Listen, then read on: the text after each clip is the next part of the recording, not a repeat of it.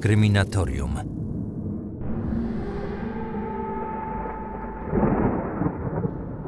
Niewyjaśnione i wciąż tajemnicze sprawy kryminalne, takie jak zaginięcia, porwania lub zbrodnie z archiwum X, to tematy, które zazwyczaj wywołują najwięcej emocji i budzą największe zainteresowanie.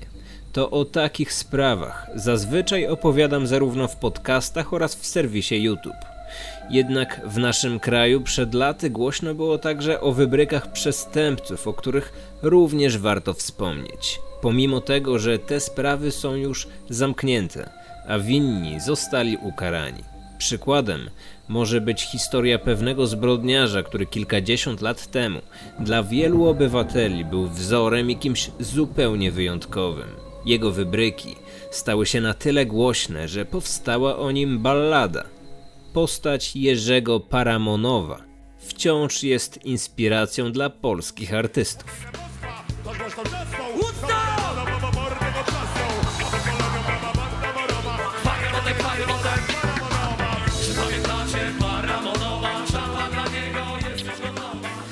To fragment utworu zespołu Wawa Mafii. Piosenka opowiadająca o losach przestępcy. Bohatera dzisiejszego odcinka została zaśpiewana na Woodstocku w 2012 roku. Przy kryminalnych wersach w rytmach reggae przed sceną bawiło się tysiące uczestników znanego muzycznego festiwalu. O losach Paramonowa chciałem opowiedzieć już wiele, wiele miesięcy temu. Za każdym razem jednak odkładałem ten temat na później, aż do teraz. Wszystko za sprawą pewnej książki. Tym razem wyjątkowo nie chodzi o pozycję z literatury faktu, a opowieść fantastyczną. Historię o apokalipsie zombie. Mowa tu o książce pod tytułem Szczury Wrocławia, Kraty, autorstwa Roberta Schmidta. Zastanawiacie się pewnie, jaki związek mają zombiaki z postacią znanego z czasów PRL-u kryminalisty Paramonowa. Otóż jeden z wątków książki dotyczy działań przestępców, którzy dzięki rozszerzającej się po ulicach Wrocławia zarazie zostali wypuszczeni na wolność. Życiorysy tych bezwzględnych recydywistów nawiązują do prawdziwych spraw kryminalnych sprzed kilkudziesięciu lat. Jeden z członków tej bandy to postać zainspirowana właśnie Paramonowem i to właśnie sylwetkę tego przestępcy przedstawię w dzisiejszym podcaście. Kryminatorium. Zabójczo ciekawe historie.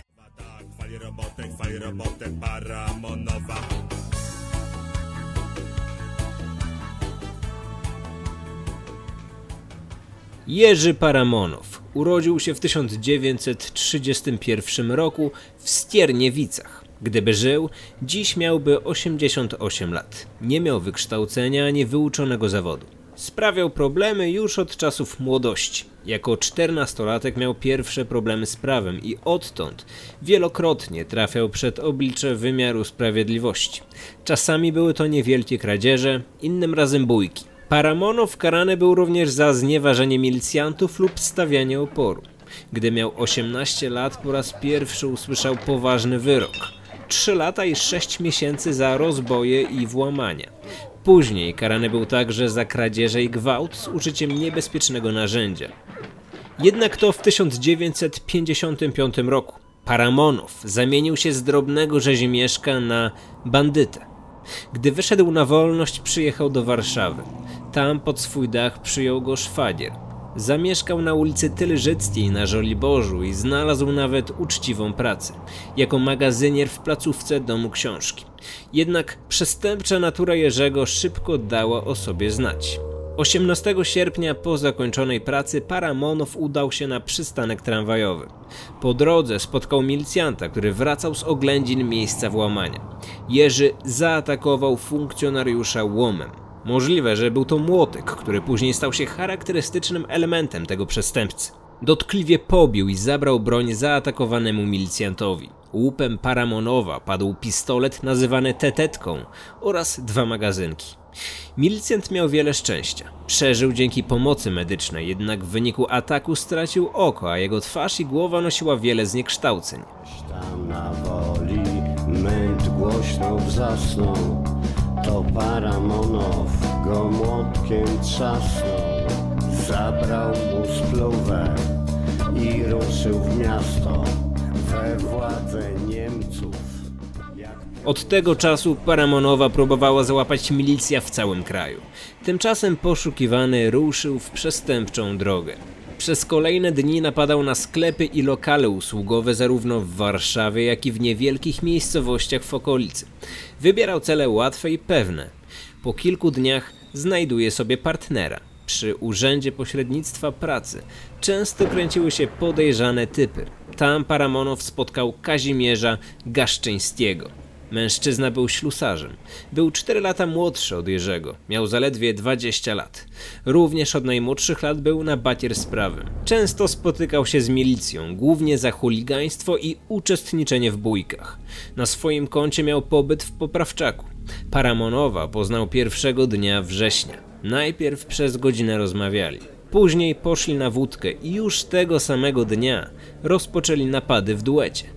Partner Jerzego również znalazł sobie miejsce w jednej ze strof kryminalnej ballady, która brzmiała następująco.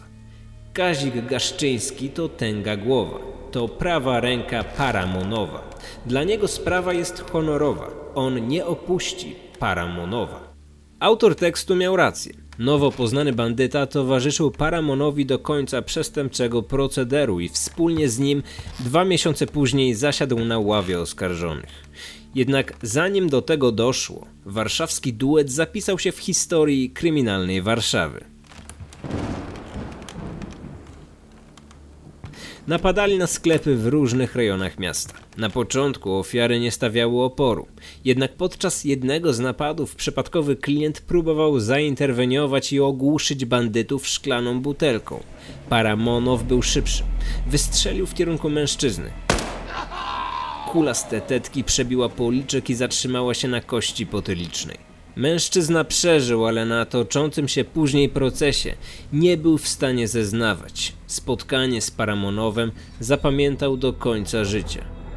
Bandyci okradali sklepy, ale jak dotąd nie mieli na koncie zabójstwa człowieka. To zmieniło się 21 września.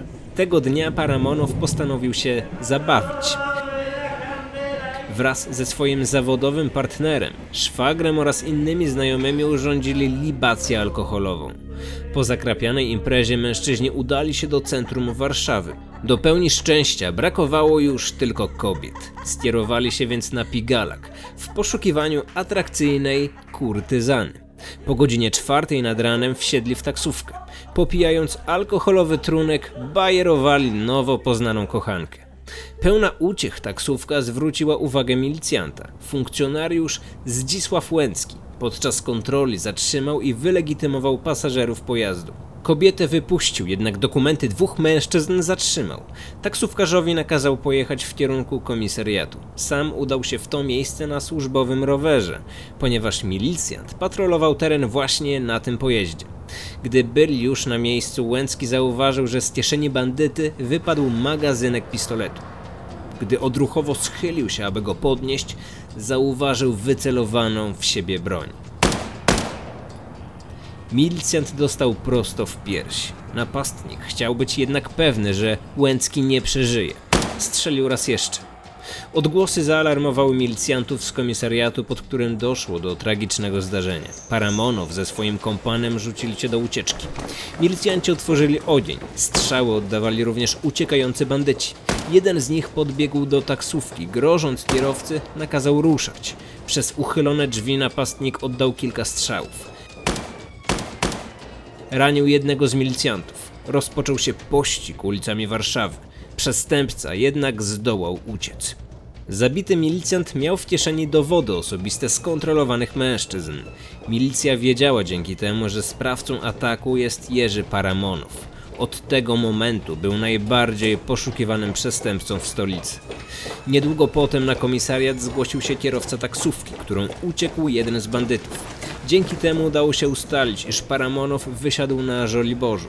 Pobiegł do swojego miejsca zamieszkania, zebrał ze sobą kilka rzeczy i kontynuował ucieczkę. To Paramonow miał przy sobie broń i to on oddał śmiertelne strzały w kierunku funkcjonariusza milicji. Komunikat o poszukiwaniu przestępcy pojawił się 23 września w gazecie Trybuna Ludu. Treść notatki brzmiała następująco. Zabójstwo milicjanta. O godzinie 5 rano funkcjonariusz MO, starszy sierżant Zdzisław Łęcki, zatrzymał i doprowadził do komisariatu trzech pasażerów taksówki, budzących swoim zachowaniem podejrzenie. Wysiadając z taksówki przed budynkiem komisariatu przy ulicy Wilczej, jeden z pasażerów wydobył błyskawicznie broń i oddał strzał do starszego sierżanta Łęckiego, raniąc go śmiertelnie. Po oddaniu strzału sprawca zabójstwa wraz z drugim pasażerem samochodu zbiegli. W rezultacie energicznie wszczęte śledztwo ujęło jednego z pasażerów samochodu i ustalono nazwisko zabójcy. Jest nim Paramonow Jerzy, syn Sylwestra i Apolonii, urodzony 5 kwietnia 1931 roku w Stierniewicach. Ostatnio zamieszkały ulica Tylżycka 7. Organa prokuratury i MO prowadzą energiczne poszukiwania zabójcy. Informacja o poszukiwaniach pojawiła się także w innych prasowych tytułach. W Warszawie zaczęły krążyć plotki, że Paramonow ukrywa się chodząc po mieście w mundurze listonosza. W torbie na listy nosi ze sobą broń. Według innych relacji miał się przemieszczać po kraju w mundurze konduktora. Milicja sprawdzała więc zarówno pracowników poczty, jak i kolei, utrudniając tym samym funkcjonowanie tych instytucji.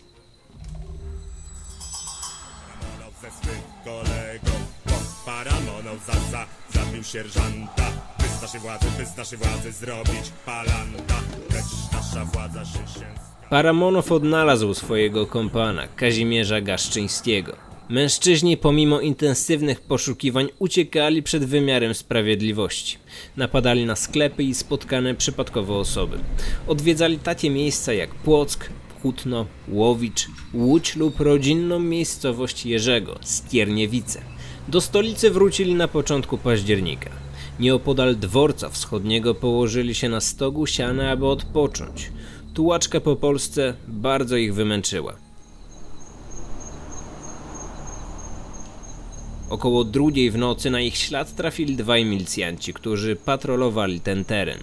Wiedzieli, że to miejsce jest częstym wyborem dla kryminalistów uciekających przed wymiarem sprawiedliwości. Funkcjonariusze zachowali więc szczególną ostrożność i dzięki temu schwytali poszukiwanych złoczyńców. Gdy odnaleźli przy nich pistolet TT oraz młotek, było już jasne, że to Paramonow oraz jego kompan Gaszczyński. Milicjanci nie mieli przy sobie kajdanek, ale unieruchomili bandytów za pomocą pasków od płaszcz. Po zatrzymaniu Paramonow wypowiedział zdanie, które dziś pojawia się we wszystkich publikacjach na jego temat. Gdybym miał pestki, na pewno stałoby się inaczej.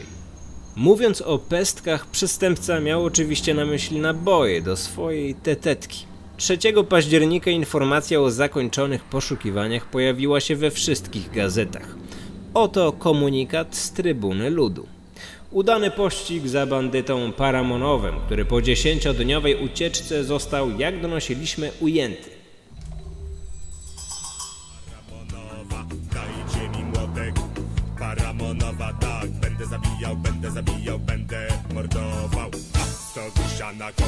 Koło wschodniego tam spał Paramonow, spał Paramonow ze Paramonow za Proces rozpoczął się 8 listopada i wzbudził duże zainteresowanie opinii publicznej.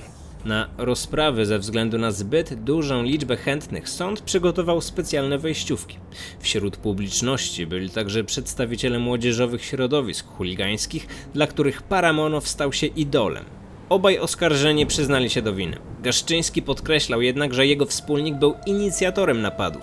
Próbował tłumaczyć się trudnym dzieciństwem, problemami w rodzinie oraz okupacją hitlerowską, która miała znaczący wpływ na jego rozwój. W ostatnim słowie prosił o łagodny wymiar kary. Wyrok zapadł 10 listopada, podczas trzeciej rozprawy. Sąd uargumentował swoją decyzję następującymi słowami. Paramonow i Gaszczyńscy to przestępcy szczególnie niebezpieczni, bez skrupułów i jakichkolwiek hamulców moralnych. Jak zostało stwierdzone w niniejszej sprawie na podstawie wyjaśnień oskarżonych, czują oni wstręt do uczciwej pracy, a jednocześnie są opanowani nie mającą żadnych granic rządzą szastania pieniędzmi na wszystkie strony. Obu ich cechuje niesłychana brutalność oraz okrucieństwo w stosunku do ofiar. Gaszczyński sam nie zabijał, ale uczestnicząc w napadzie z bronią, przyjął na siebie wszystkie tego konsekwencje. Sama jego obecność dawała trzymającemu broń Paramonowi poczucie bezpieczeństwa, więc miał w nich istotny udział. Dla sądu nie ma wątpliwości, że gdyby Gaszczyński władał pistoletem, ilość ofiar zastrzelonych byłaby znacznie większa. Jego aroganckie, bezczelne odpowiedzi są typowe dla chuligana, bandyty i sąd doszedł do przekonania, że Gaszczyński jest osobnikiem, jeśli nie bardziej niebezpiecznym dla porządku prawnego od Paramonowa, to co najmniej równym mu pod względem niebezpieczeństwa. Obaj już od dawna szli po równi pochyłej. Ta niepoprawność oraz wzmagające się u oskarżonych ryzykanstwo i zuchwałość prowadzą do wniosku, że dalsza ich egzystencja stanowi poważne zagrożenie dla porządku publicznego.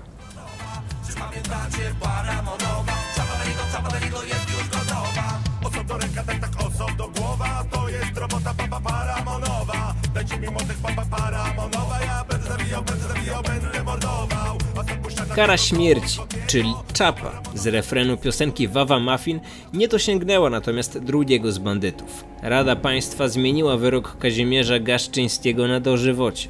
Mężczyzna wyszedł na wolność po 20 latach za sprawą warunkowego przedterminowego zwolnienia. Niedługo później jednak trafił za kratki ponownie. Zmarł w 2006 roku. Z kolei jego 4 lata starszy kompan został powieszony w mokotowskim areszcie. Kat zawiesił pętlę na jego szyi 21 listopada 1955 roku. Według niektórych źródeł zapadnia zwolniona została dokładnie o godzinie 19.12.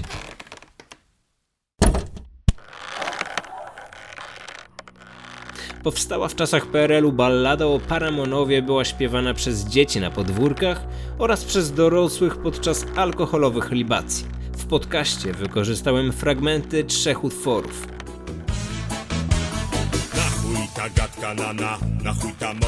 Piosenka zespołu Transmisja, nagrana pod koniec lat 90.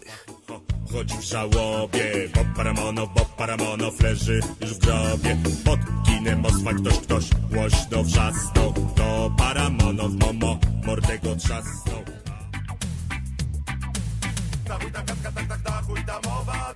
Wersja Wawa Muffin z 2005 roku.